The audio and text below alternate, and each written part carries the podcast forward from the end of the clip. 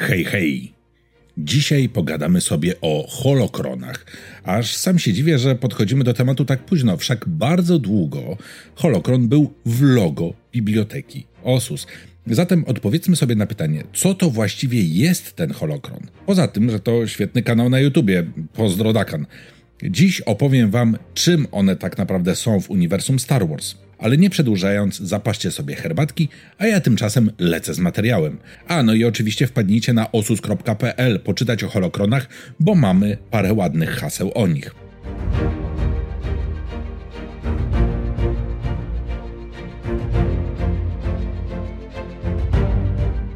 Wielu Jedi i Sithów, którzy znani byli długo po swojej śmierci, tworzyło własne artefakty. Czasami takimi stawały się przedmioty, które należały do nich za życia.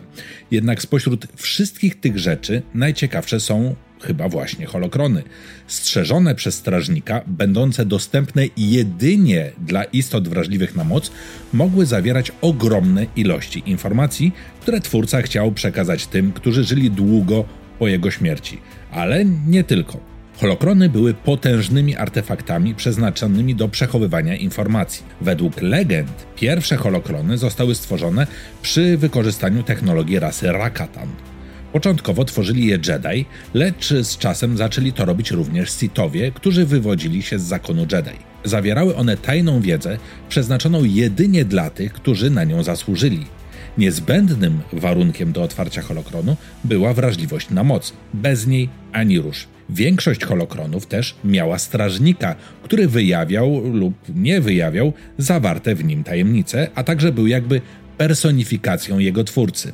Jedi umieszczali w niej głównie informacje dotyczące natury korzystania z mocy. Jednym z miejsc, gdzie zakon przechowywał stare holokrony, była świątynia na Coruscant. Holokrony Sithów działały na trochę innej zasadzie. Jedynie ktoś silny ciemną stroną mocy mógł je otworzyć. Twórcy zawierali w nich swoje nauki, jak również sekrety zdobycia potęgi, czy nawet własną esencję życiową czy wolę.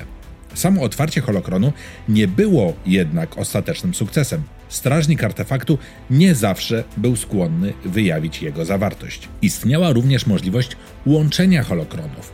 Był to skomplikowany i niebezpieczny rytuał, pozwalający jednak na poznanie poprzez moc odpowiedzi na wiele pytań. W czasach Imperium rytuał ten został wykorzystany na przykład przez Maula i Ezra Bridgera. Holokrony miały wielki wpływ na wydarzenia mające miejsce wiele lat po ich utworzeniu.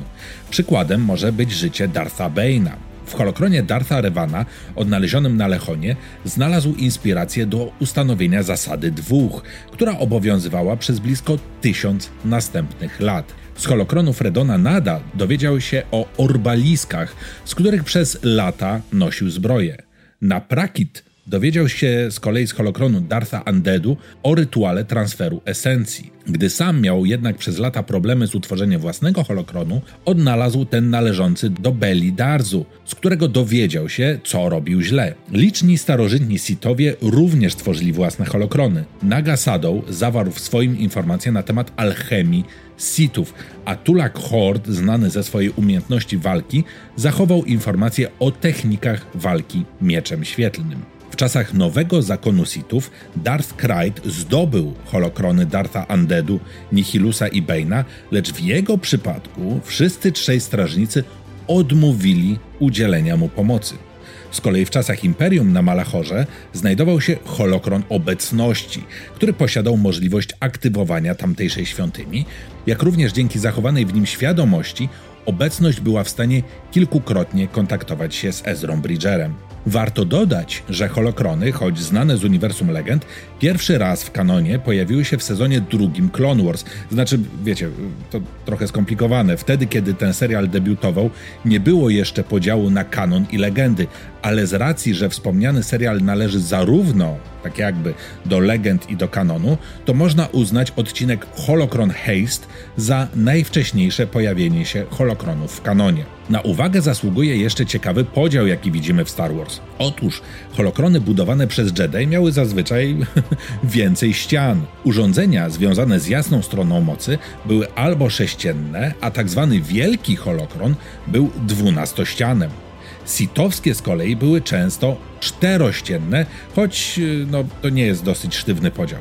A właśnie, nie wspomniałem wam właśnie o wielkim holokronie. Choć pojawia się on w kanonie, to jego historia jest znacznie ciekawsza w legendach. Był to najważniejszy element znajdujący się w świątyni Jedi na Coruscant i zawierał gigantyczną ilość wiedzy dla Jedi. Informacji było tyle, że nawet Yoda nie poznał wszystkich sekretów skrywanych przez ten holokron. Nawet Padawan mógł z niego skorzystać, bo holokron podawał tylko tyle informacji, na ile, że tak powiem, gotów był odbierający. Niemniej korzystanie z niego odbywało się zawsze pod okiem szefa archiwum.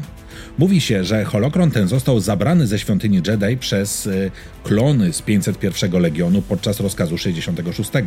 Potem odnalazł się i został złożony w bibliotece Jedi na Osusie, gdzie służył Jedi nowego zakonu Luka Skywalkera. A nie powiem, był przydatny. Zawierał w sobie m.in. wiedzę związaną z historią Republiki i historią zakonu Jedi, historią Sithów, metodami budowy mieczy świetlnych i technikami walki, no i oczywiście wiele, wiele więcej. Holokrony były zazwyczaj zbudowane z częściowo przezroczystego materiału, aby widoczny był ich wewnętrzny, misterny zazwyczaj mechanizm. Zazwyczaj też to były małe dzieła sztuki, niesłychanie cenne nawet dla nieposługujących się mocą kolekcjonerów. Widzimy nawet zarówno holokron Sithów, jak i Jedi na półce w sklepie Lutena w serialu Andor – Niemniej, według mnie mamy tutaj do czynienia z małym błędem. Otóż artefakty pojawiające się w serialu o Kasjanie sprawiają wrażenie gigantycznych, podczas gdy wszelkie dotychczasowe źródła, zarówno legendarne, jak i kanoniczne, wskazują, że holokrony były obiektami raczej mieszczącymi się w dłoni, ale to już tak zupełnie na marginesie. Dzięki wielkie za oglądanie. Zapraszam oczywiście do Biblioteki Osus, gdzie możecie dowiedzieć się więcej o holokronach, jak również oczywiście o innych artefaktach z uniwersum Star Wars. Link do strony jest na dole w opisie. Zachęcam bardzo mocno do edytowania Osusa i poszerzania jego zasobów. Ta strona istnieje przecież dzięki Wam. Wbrew pozorom nadal wiele haseł czeka na utworzenie albo uzupełnienie. Wpadnijcie też na naszą grupę na Facebooku lub na Discorda, a jeśli chcecie wesprzeć finansowo działalność biblioteki, możecie to zrobić przez wspieranie na YouTubie. Dajcie też w komentarzach znać, czy podobał się Wam filmik. Jestem bardzo ciekawy Waszej opinii. Trzymajcie się i uważajcie na siebie. Często się uśmiechajcie, a tymczasem ja się z Wami żegnam. Niech moc będzie z Wami. Pa, pa.